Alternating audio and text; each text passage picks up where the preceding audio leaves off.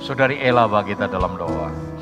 Terima kasih. Terima kasih ya Bapak, terima kasih Tuhan eh, kami telah memuji memuliakan namamu Yesus. Yesus. Dan sebentar Tuhan kami akan mendengarkan firman-Mu Tuhan, Engkau Yesus, memberkati ajaib. hati dan telinga kami Tuhan, apa yang Engkau bicarakan melalui hambamu ini, eh, semoga bisa eh, masuk ke dalam hati kami Yesus dan kami terapkan di kehidupan kami.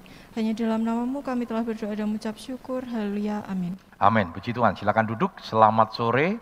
Selamat kita boleh kembali bertemu dalam kasih Tuhan Kristus. Senang sekali kalau kita bisa ibadah tatap muka kembali ya setelah kurang lebih sekitar 8 minggu kita ada di dalam ibadah online ya. Tetapi hari Senin kemarin dari pemerintah mengatakan walaupun Salatiga masih ada dalam level PPKM level 4 tetapi eh, level 4 sedikit dilonggarkan ya.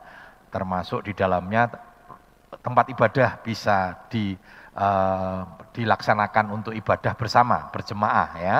Cuma dibatasi dengan 25 persen. Memang dari awal kita eh, gereja kita dari 800 hanya 200 orang sudah ya. Jadi memang sudah mencapai 25 persen. Kita patut syukuri ya. Eh, salah satu sebenarnya poin yang pemerintah mau katakan saudara kemarin ya pada waktu hari Senin disampaikan bahwa yang namanya COVID ini tidak akan pernah berlalu gitu ya. Kita nggak tahu kapan berakhirnya. Makanya dulu Jokowi pernah bersampaikan bahwa presiden kita kita harus bersahabat dengan COVID ini. Nah itu diprotes sudah ya Wong COVID kok bersahabat? Artinya maksud yang disampaikan oleh Bapak Presiden kita kita harus siap untuk berdampingan dengan COVID ini. Karena eh, apa namanya kita harus eh, mengikuti ini. Sebab kalau kita mengikuti para politisi minta di lockdown lockdown berat sudah ya. Ppkm aja banyak mereka yang kolab ya. Banyak mereka sudah kolab tetapi kita bersyukur eh, negara kita bapak presiden memberikan kebijakan untuk kita lalu kemarin sedikit dilonggarkan ya. Tetapi bukan berarti kita menjadi lengah. Jangan lupa kita tetap harus melaksanakan protokol kesehatan. Berulang-ulang saya sampaikan, virus ini sebenarnya gampang sudah ya untuk mengatasi, yaitu selama kita melakukan protokol kesehatan, menjaga jarak, mencuci tangan, dan memakai masker. Makanya standar kita sekarang pakai masker. Ya, fasil begini karena saya sampaikan firman, tetapi minimal menggunakan masker. Ya, setelah turun ya harus pakai masker lagi sudah ya. Puji Tuhan. Langsung saja kita akan bersama-sama menikmati firman Tuhan pada sore hari ini. Temanya indah di dalam Tuhan atau indah bersama dengan Tuhan. Seharusnya sebagai orang percaya, berulang-ulang firman Tuhan saya sampaikan, kita tidak boleh takut menghadapi kondisi-kondisi hari-hari ini. Memang saya tidak bisa berkata bahwa kondisi hari ini kondisi yang biasa-biasa saja, tidak. Ini adalah kondisi yang cukup Eh, bahkan ada orang yang berkata ini mencekam ya beberapa waktu kemarin waktu dilaksanakan ppkm ini peningkatannya begitu drastis. Salah tiga sendiri saudara ya setiap hari 200 300 ya. Waduh ngeri saudara ya. Secara manusia ngeri. Tetapi kita percaya bahwa pertolongan Tuhan perlindungan Tuhan selalu diberikan bagi orang-orang yang percaya ya. Pemeliharaan Tuhan bagaimana perlindungan Tuhan senantiasa dinyatakan bagi orang-orang percaya. Nanti kita akan lihat bersama-sama. Mari kita membaca di dalam Roma 12 ayat yang ke-12. Saya undang kita bangkit berdiri bersama-sama. Kita akan membaca ayat ini bersama-sama. Roma 12 ayat yang ke-12. Kita baca bersama-sama. Dua, tiga bersukacitalah dalam pengharapan, sabarlah dalam kesesakan, dan bertekunlah dalam doa. Puji Tuhan, silakan duduk. Ada tiga hal yang Paulus nyatakan bagi jemaat yang ada di Roma, ya tentang bagaimana kita menjalani hidup ini. Apa yang disampaikan oleh firman Tuhan ini menunjukkan kepada kita bahwa yang namanya perjalanan hidup di dalam dunia ini tidak seperti jalan tol yang lempeng-lempeng saja, saudara. Ya bahaya, saudara. Jalan tol itu bahaya, saudara. Ya, kalau kita rasanya lempeng, apalagi perjalanan dari Salatiga menuju Jakarta ya, habis bulan Desember kemarin saya menjemput mamah ya, karena setiap bulan Desember mamah uh, uh, apa namanya dia mau di Salatiga sudah ikut Natal di Salatiga. Ya saya jemput saudara. Waduh rasanya kan jalan itu tidak berujung gitu ya. Waduh lempeng saudara. Waduh kalau enggak kita lengah ngantuk sudah bisa bahaya saudara. Ya hidup tidak seperti itu tetapi firman Tuhan ini ingin menggambarkan kepada kita bahwa hidup itu penuh dengan berbagai macam persoalan. Bahkan digambarkan hidup manusia itu digambarkan seperti seseorang yang sedang mengikuti perlombaan. Ya, tidak ada yang mudah. Perlombaan itu tidak ada yang gampang, Saudara. Ya, ketika mencapai mencapai kemenangan luar biasa, Saudara ya. Ini Chris dan Poli, eh kok Chris Poli ya? Chris Poli sama satunya siapa, Saudara ya? Pasangan ganda putri ini, Saudara ya. Wah, menang, Saudara. Luar biasa itu ya. Waduh, kemarin eh, apa namanya oleh DKI ada sekolah untuk atlet rema, uh, siswa ya. Jadi atlet untuk pelajar itu sudah dikasih nama dia ya. Wah namanya eh, apa namanya gedungnya itu dikasih nama dia. Luar biasa sudah kenapa? Karena dua orang ini memang asalnya dari DKI Jaya Raya sudah ya. Uh, Persatuan Bulu Tangkis Jaya Raya sudah ya. Waduh. Lah setelah menang baru flashback sudah ya. Dibuat flashback bagaimana ternyata tidak mudah. Ya, pasangannya Grace itu saudara ya, dia bukan orang mampu untuk berlatih badminton pakai triplek, pakai kayu.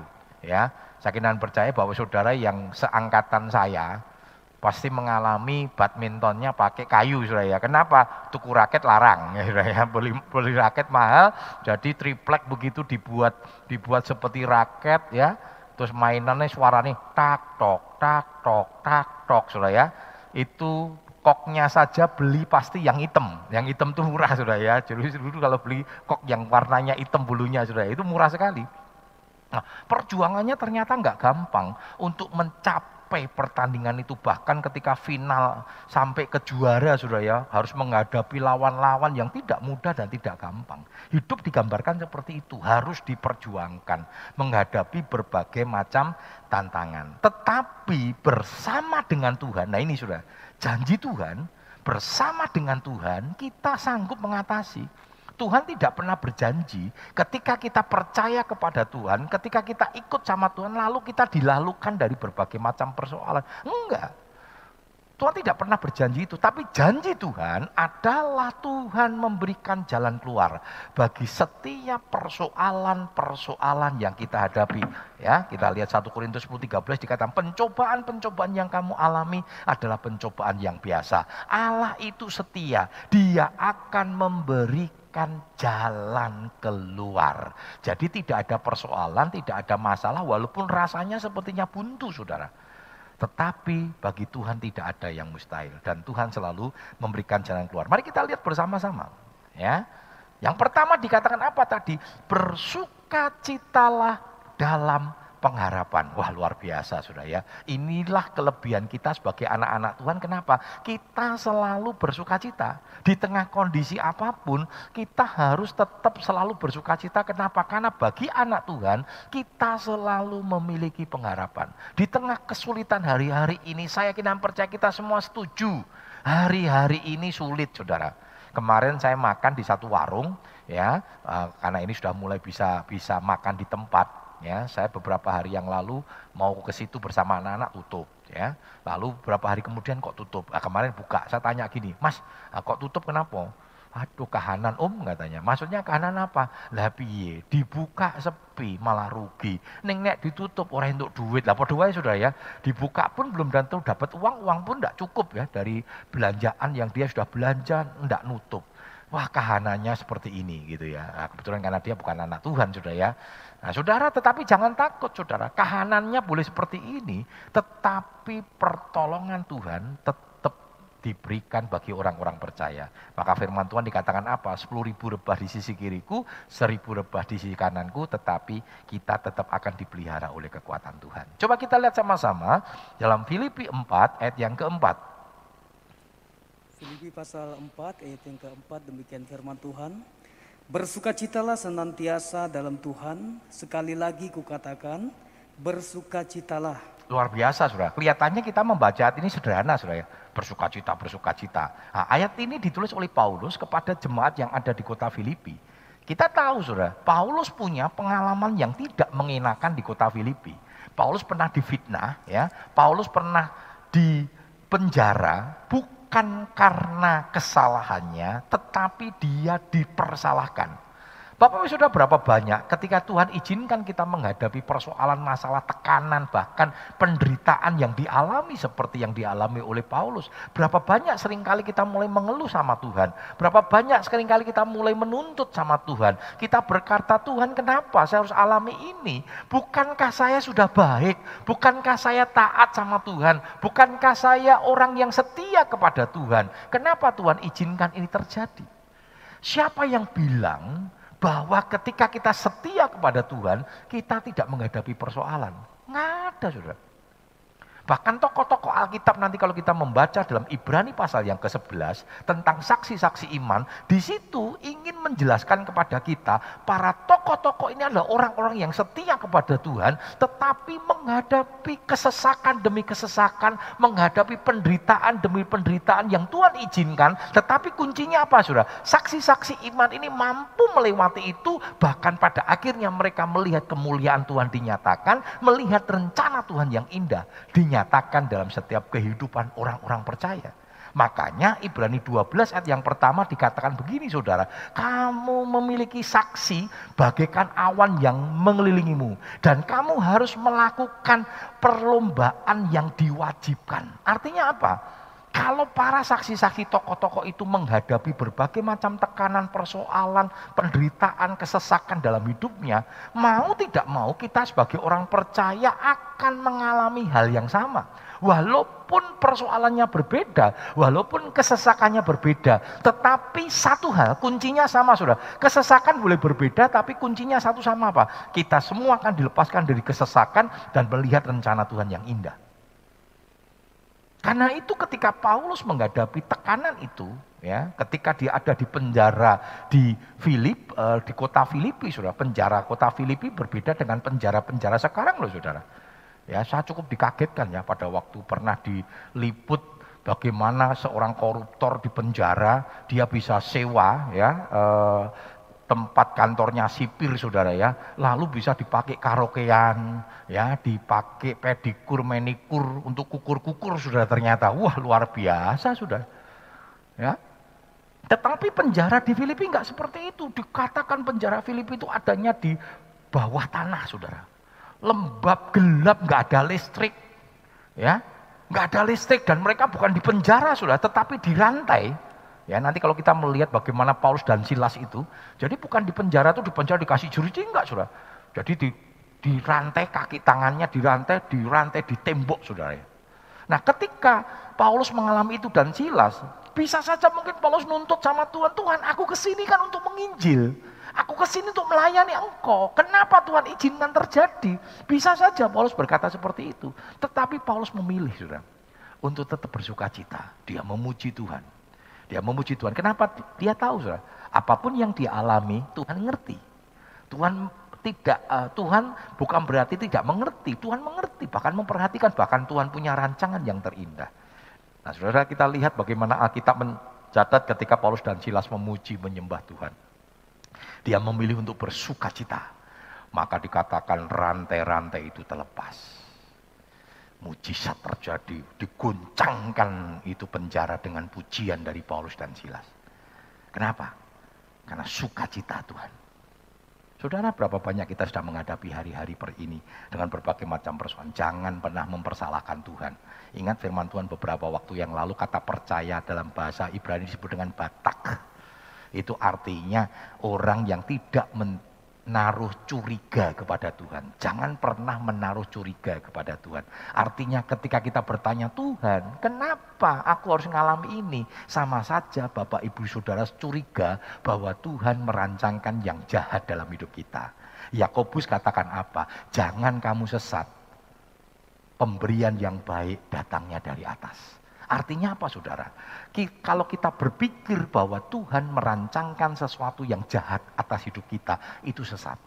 Karena Tuhan tidak pernah merancangkan sesuatu yang jahat untuk kita. Dia merancangkan sesuatu yang indah. Karena itu tetap kita bersuka cita dalam pengharapan karena bagi orang-orang percaya selalu ada pengharapan. Oleh karena itu Bapak Saudara, tekanan, kesesakan, persoalan yang kita hadapi, jangan sampai itu menggoyahkan pengharapan kita kepada Tuhan. Coba kita lihat sama-sama dalam Kolose 1 ayat 23. Kolose 1 ayat 23. Kolose 1 ayat yang ke-23 demikian firman Tuhan. Sebab itu kamu harus bertekun dalam iman, tetap teguh dan tidak bergoncang, dan jangan mau digeser dari pengharapan Injil, yang telah kamu dengar dan yang telah dikabarkan di seluruh alam di bawah langit dan yang aku ini Paulus telah menjadi pelayannya. Perhatikan saudara, firman Tuhan mengingatkan kepada kita jangan sampai kita mau digeser dari pengharapan Injil. Seringkali persoalan masalah mencoba menggeserkan pengharapan kita kepada Tuhan. Kita digoyahkan, kita digoncangkan sehingga kita mulai tidak percaya kepada kasih Tuhan. Lalu kita mulai ragu dan kita mulai kehilangan pengharapan. Saudara, ketika seseorang kehilangan pengharapan, waduh, saya kita percaya kita nggak pernah bisa bersuka cita. Kenapa kita bisa masih bisa bersuka cita? Karena kita masih memiliki pengharapan di dalam Tuhan. Ya, yang kedua, yang pertama tadi kan bersuka cita dalam pengharapan, yang kedua apa? Sabarlah dalam kesesakan. Ya sabarlah dalam kesesakan. Kolose 1 ayat 11 hingga yang ke-12 Kolose 1 ayat 11 dan 12 demikian firman Tuhan.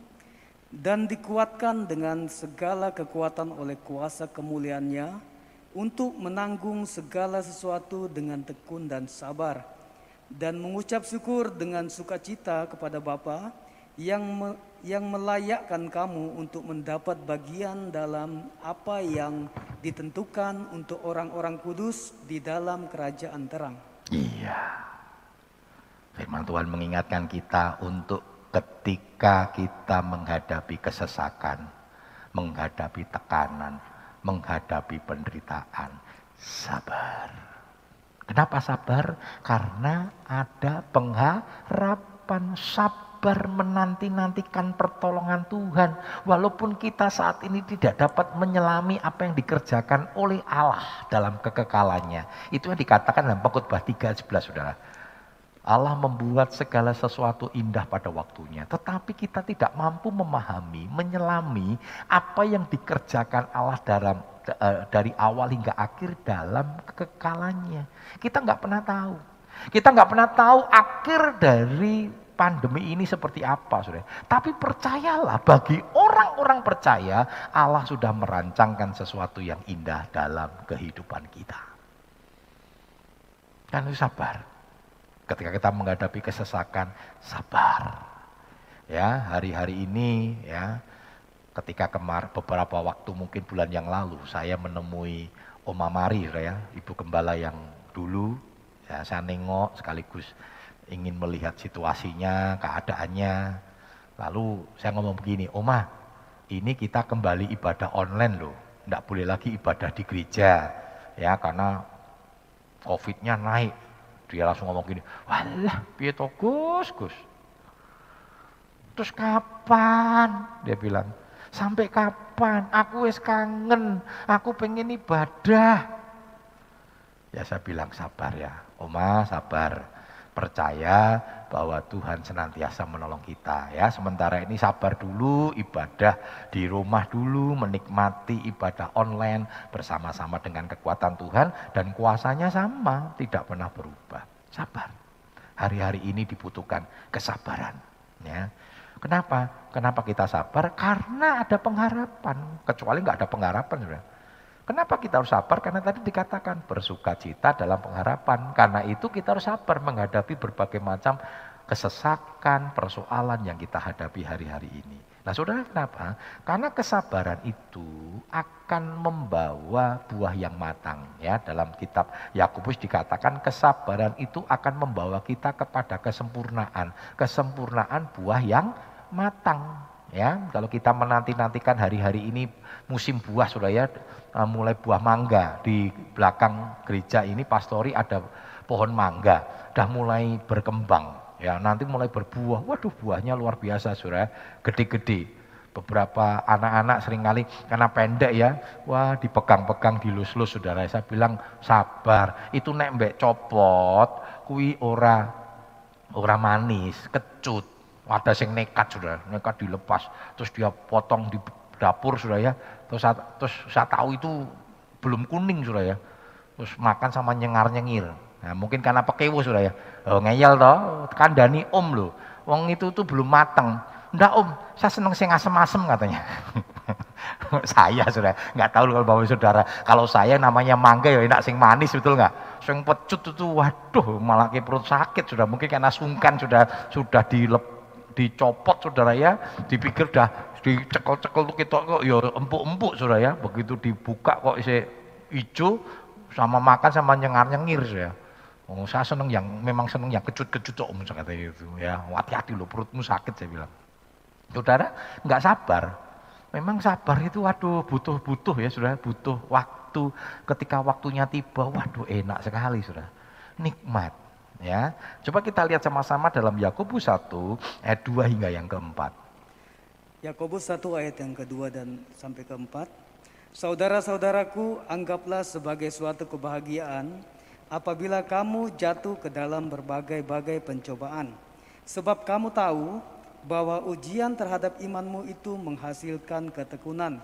Dan biarkanlah ketekunan itu memperoleh buah yang matang, supaya kamu menjadi sempurna dan utuh dan tak kekurangan suatu apa pun. Perhatikan saudara, dikatakan anggaplah ujian ya, se anggaplah sebagai suatu kebahagiaan apabila kamu jatuh dalam berbagai-bagai pencobaan. Waduh, Memang prinsip firman Tuhan itu kadang bersifat paradok dengan nilai-nilai dunia. Yang namanya jatuh dalam pencobaan itu nggak ada kebahagiaan, yang adanya cilaka, saudara. Tapi Alkitab berkata, berbahagia. Kenapa? Tapi ketika kita menghadapi kesesakan penderitaan itu karena Tuhan izinkan. Percayalah saudara. Karena dikatakan, Sebab ujian itu akan terhadap imanmu itu kan menimbulkan, menghasilkan ketekunan. Dan ketekunan, kesabaran itu akan menghasilkan buah yang matang dan yang sempurna. Sabar. Sabar menanti-nantikan pertolongan Tuhan. Waktu kami di kota Solo, saudara, ya, saya sampaikan kepada jemaat, nggak tahu saudara, saya punya terlalu punya iman, percaya bahwa ketika Tuhan panggil saya, itu karena rancangan Tuhan. Saya waktu dipanggil Tuhan bukan dalam kondisi saya sedang jat, apa namanya ya, eh, sedang hancur hati ya. Saya sedang tidak punya pekerjaan. Waktu itu saya bekerja, saya usia 20 tahun sudah menjadi wakil pimpinan uh, sebuah kontraktor saudara ya dan saya punya duit Lalu Tuhan panggil. Waktu Tuhan panggil saya berkata, Tuhan, ya kalau Tuhan panggil, Tuhan biaya hidup saya. Sehingga saya punya prinsip begini saudara. Bahwa ketika saya jadi hamba Tuhan, saya nggak cari duit. Kalau cari duit, mending saya jadi hamba hamba Tuhan. Dan ketika saya mau jadi hamba Tuhan, berapa kali saya saksikan pada bapak saudara, keluarga saya tidak pernah mensupport saya, tidak pernah mendukung. Bukan hanya keluarga kecil, tetapi keluarga besar, saudara. Mereka berkata, Gus, Ya, pokoknya kue sekolah kitab kita tidak akan dukung. Jangan minta sama kami. Sebenarnya bahasa ini saudara bukan bahasa real kenyataan tetapi kalau orang Jawa bilangnya ngagar-ngagari gitu ya. Mereka ngomong gitu supaya saya takut lalu saya tidak jadi sekolah kitab. Karena mereka melihat masa depan saya sudah cemerlang. Sudah enak, usia 20 tahun saya eh, dapat mobil dari kantor. Ya, udah enak gitu loh. Apa sih yang mau dicari gitu. Nah tapi saya akhirnya tahun 89 di hadapan keluarga saya membuat sebuah statement, sebuah uh, satu pernyataan nasar dan nasar itu sampai hari ini uh, statement sebenarnya bukan nasar, tapi yang saya uh, komitmen yang saya lakukan sampai hari ini. Waktu itu saya ngomong begini, mulai hari ini tahun 89 sudah ya, saya tidak akan pernah meminta kepada yang namanya manusia untuk kebutuhan hidup saya. Karena saya terlalu percaya Tuhan saya sanggup memenuhi kehidupan saya. Dan saya pegang sampai hari ini sudah. Bapak Saudara bisa protes sama saya kalau ada dari Bapak Saudara yang pernah saya datangi saya minta duit sudah. Saya pegang sampai hari ini. Dan saya belajar sabar. Ya, karena saya berpikir begini Saudara. Kalau saya cari duit, ngapain saya jadi hamba Tuhan? Saya kerja sekarang ini kalau saya mau kerja, sudah masih banyak perusahaan yang terima saya. Bahkan di tengah-tengah pelayanan saya pada waktu saya masih ngerintis, sudah saya pernah ditawari, ya perusahaan kalau bapak sudah masih ingat mineral pot, sudah. Mineral pot itu kan dulu ada ya, seperti galon begitu mineral pot. Saya diminta, diminta jadi manajer untuk Jawa Tengah. Ya, saya bilang nggak bisa saya hamba Tuhan. Lu pendeta apa untuk kerja? Bukan masalah pendeta nggak boleh kerja karena banyak pendeta yang kerja juga sudah. Tetapi saya terlalu yakin bahwa Tuhan sanggup memenuhi hidup saya. Kalau ada hamba Tuhan yang kerja untuk memenuhi hidup saya, ya saya tidak mau memperdebatkan itu, menyalahkan itu. Tetapi saya terlalu yakin ketika saya pernah ikut manusia, ikut perusahaan, perusahaan penuhi semua kebutuhan saya Nah, apalagi sekarang saya mengikut Tuhan, melayani Tuhan, mosok Tuhan tidak penuh hidup saya. Dan saya dipenuhi oleh Tuhan. Dan saya menolak itu. Orang katakan bodoh. Lalu ketika saya dengan Bu Ika, ya Bu Ika tidak menggunakan kedokterannya untuk praktek. Saya dibodoh-bodohkan banyak teman-teman hamba Tuhan. Kamu egois. Kamu jadi hamba Tuhan, kamu nggak mau kerja. Ya sudah, jangan larang istrimu. Lu saya bilang saya nggak larang, saya bilang. Saya nggak larang. Eman-eman tuh katanya. Loh iman-eman, iman-iman oponya sudah. Eman-eman duit betul nggak sudah ya? Nek praktek kan untuk duit. Saya hanya bilang berkata begini, ilmunya nggak hilang. Ilmunya Bu Ika nggak hilang. Kenapa? Pada waktu kami ngerintis di kota Solo kita pakai itu. Kita buat pengobatan gratis. Dan Tuhan pelihara. Kami terlalu yakin bahwa kami sudah jadi hamba Tuhan. Dan kita percaya kuasa Tuhan bekerja. Ketika kita harus menghadapi berbagai macam tekanan, kadang, te waduh, tawaran itu muncul, sudah. Waktu kita menghadapi ya namanya perintisan, sudah ya. Namanya perintisan. Tawaran-tawaran itu selalu ada, menggiurkan. Tapi kami belajar, sabar menanti-nantikan pertolongan Tuhan. Jangan seperti Abraham, ketika dikasih oleh Sarah Hagar, dia pikir itu jalan keluar. Bukan. Gara-gara itu persoalan sampai hari ini kan. Masalah Ismail sama Iska itu terjadi persoalan sampai hari ini. Kenapa nggak sabar? Sabar sudah. Ini bukan pertolongan Tuhan. Nanti-nantikan pertolongan Tuhan. Dan ketika pertolongan Tuhan tiba, indah pada waktunya. Ya, sabar saudara. Karena kesabaran itu akan mendatangkan satu rancangan Tuhan yang indah. Yang ketiga, yang pertama, bersuka cita dalam pengharapan ya sabar dalam kesesakan, sabar karena kita punya pengharapan dan semua itu harus ditopang dengan bertekun dalam doa. Yakobus 5 ayat 16. Yakobus pasal yang kelima ayat yang ke-16 demikian firman Tuhan.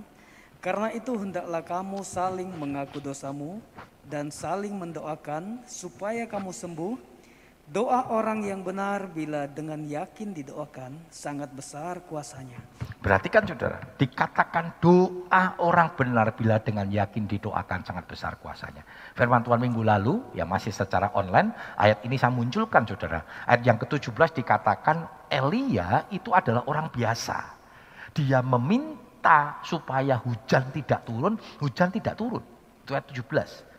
Nah, firman Tuhan dikatakan kenapa? Firman Tuhan berkata, Elia orang biasa. Memang Elia orang biasa, walaupun dia nabi dia biasa seperti kita. Bedanya apa sudah? Hebatnya Tuhan. Jadi yang hebat bukan Elia tetapi kuasa Tuhan. Lalu bedanya apa? Kuncinya di ayat 16 tadi, doa orang benar. Kenapa Elia doanya dikabulkan? Karena Elia benar. Dia nabi yang benar. Dia setia kepada Tuhan. Dia cinta Tuhan. Maka doanya dikabulkan.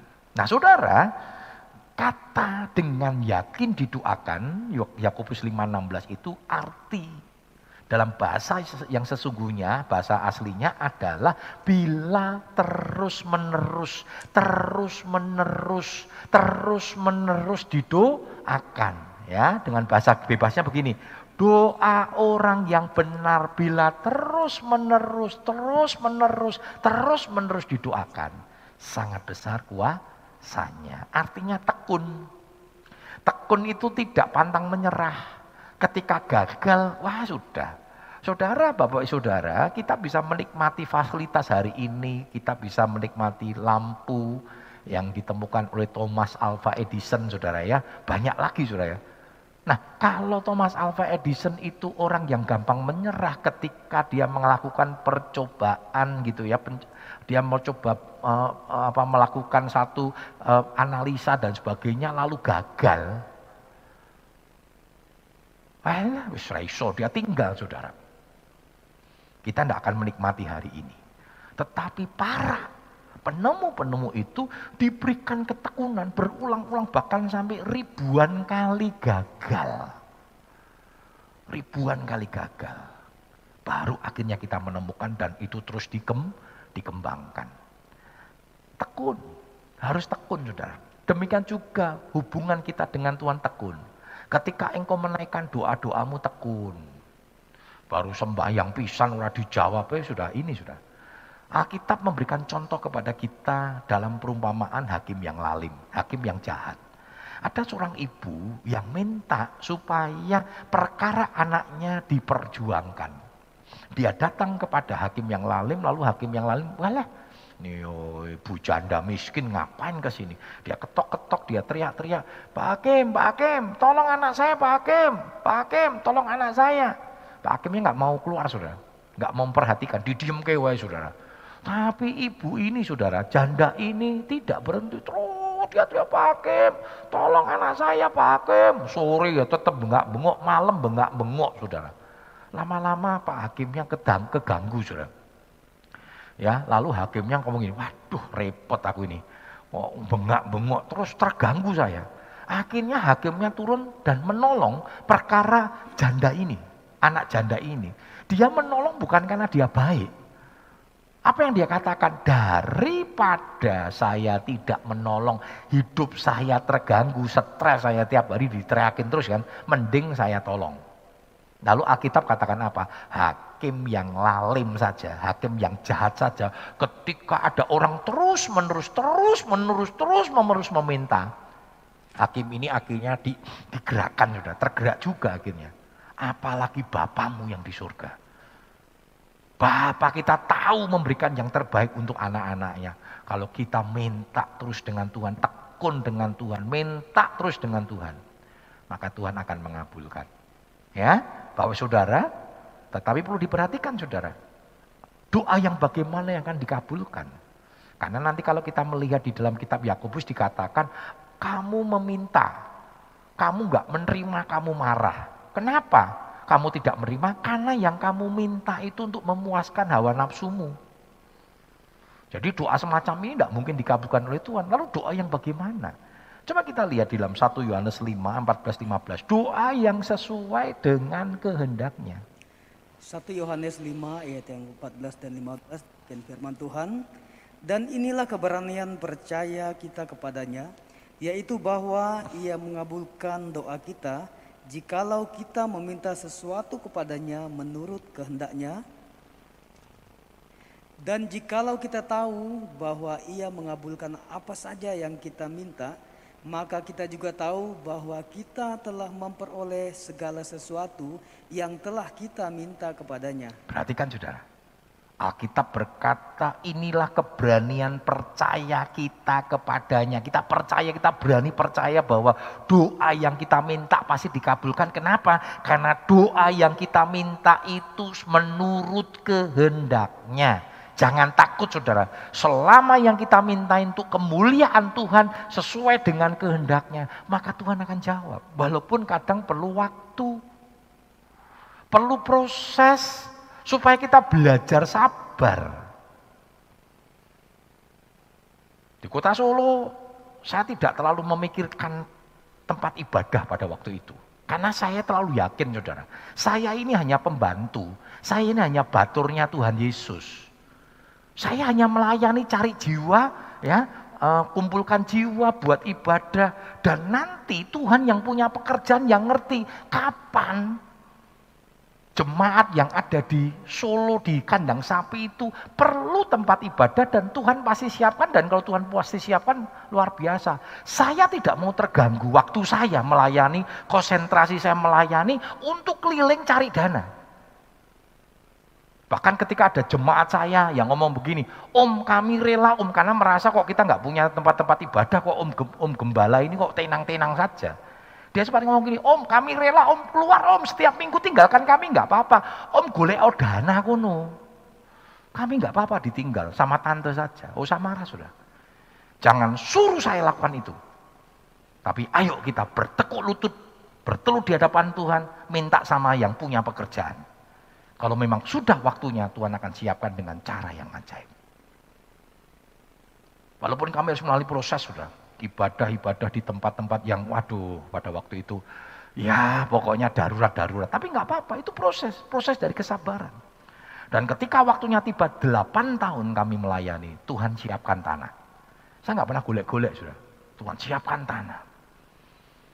Setengah tahun break karena sempat diresolusi, setengah tahun itu mulai melangkah bangun saudara.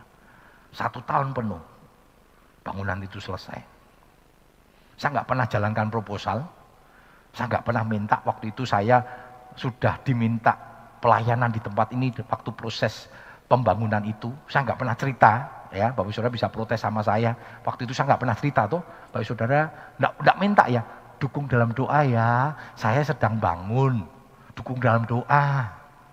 Itu kita dukung dalam doa ya, nah iso ya dana gitu saudara ya. Tapi saya nggak lakukan itu, saya diem saja. Saya nggak pernah cerita sama oma pun saya nggak cerita saya sedang membangun, saya anggota MD sudah pada waktu masih daerah, teman-teman masih daerah saya juga cerita, karena satu-satunya anggota masih daerah yang belum belum punya gereja cuma saya waktu itu. Dan ketika bangunan itu selesai, teman-teman masih daerah ngomong gini, loh Gus, aku bangun toh, kok aku kurang ngerti. Mereka tahunya saya belum punya tempat tempat ibadah, sudah belum punya gereja. Wes bar toh, sudah. Ah ndak mau cerita. Nek cerita kan gentengnya aku bisa nyumbang, keramik bisa nyumbang, apa ya, tembok cat bisa nyumbang. Karena waktu itu 18 anggota majelis daerah dan mereka gereja-gereja cukup kuat. Saya hanya katakan begini, Tuhan sudah selesaikan. Supaya apa? Saya tahu. Supaya Tuhan mau tempat ibadah ini tidak ada satu kemuliaan kekuatan manusia. Makanya saya selalu berkata, rumah ibadah di kami di kota Solo itu ini rumah mujizat. Kuasa Tuhan dinyatakan. Amin. Ketika itu sesuai dengan rancangan Tuhan, jangan takut Tuhan akan tolong. Makanya kalau minta sesuatu sama Tuhan, cek dan dicek. Ini untuk dagingku atau memang supaya nama Tuhan dipermuliakan. Percayalah sudah, ketika permintaan itu sesuai dengan rancangan dan kehendak Tuhan maka Tuhan akan tolong dan kabulkan. Walaupun perlu sebuah proses. Maka sabar, ya, sabar.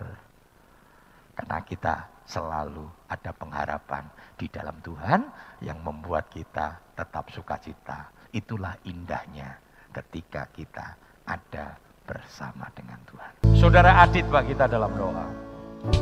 Selamat sore Bapak, kami bersyukur atas penyertaanmu pada kami sepanjang hari ini. Kami juga sudah mendengarkan firman-Mu, hanya apa yang sudah disampaikan oleh hamba-Mu dapat bertumbuh dan berbuah dalam kehidupan kami. Juga kiranya Engkau berkati hamba-Mu yang telah menyampaikan firman-Mu, pakai dia lebih lagi dalam pelayanan-pelayanan selanjutnya, jadikan berkat di mana pun dia berada. Terima kasih Bapak, dalam nama Tuhan Yesus Kristus kami sudah berdoa dan mengucap syukur, haleluya, amin.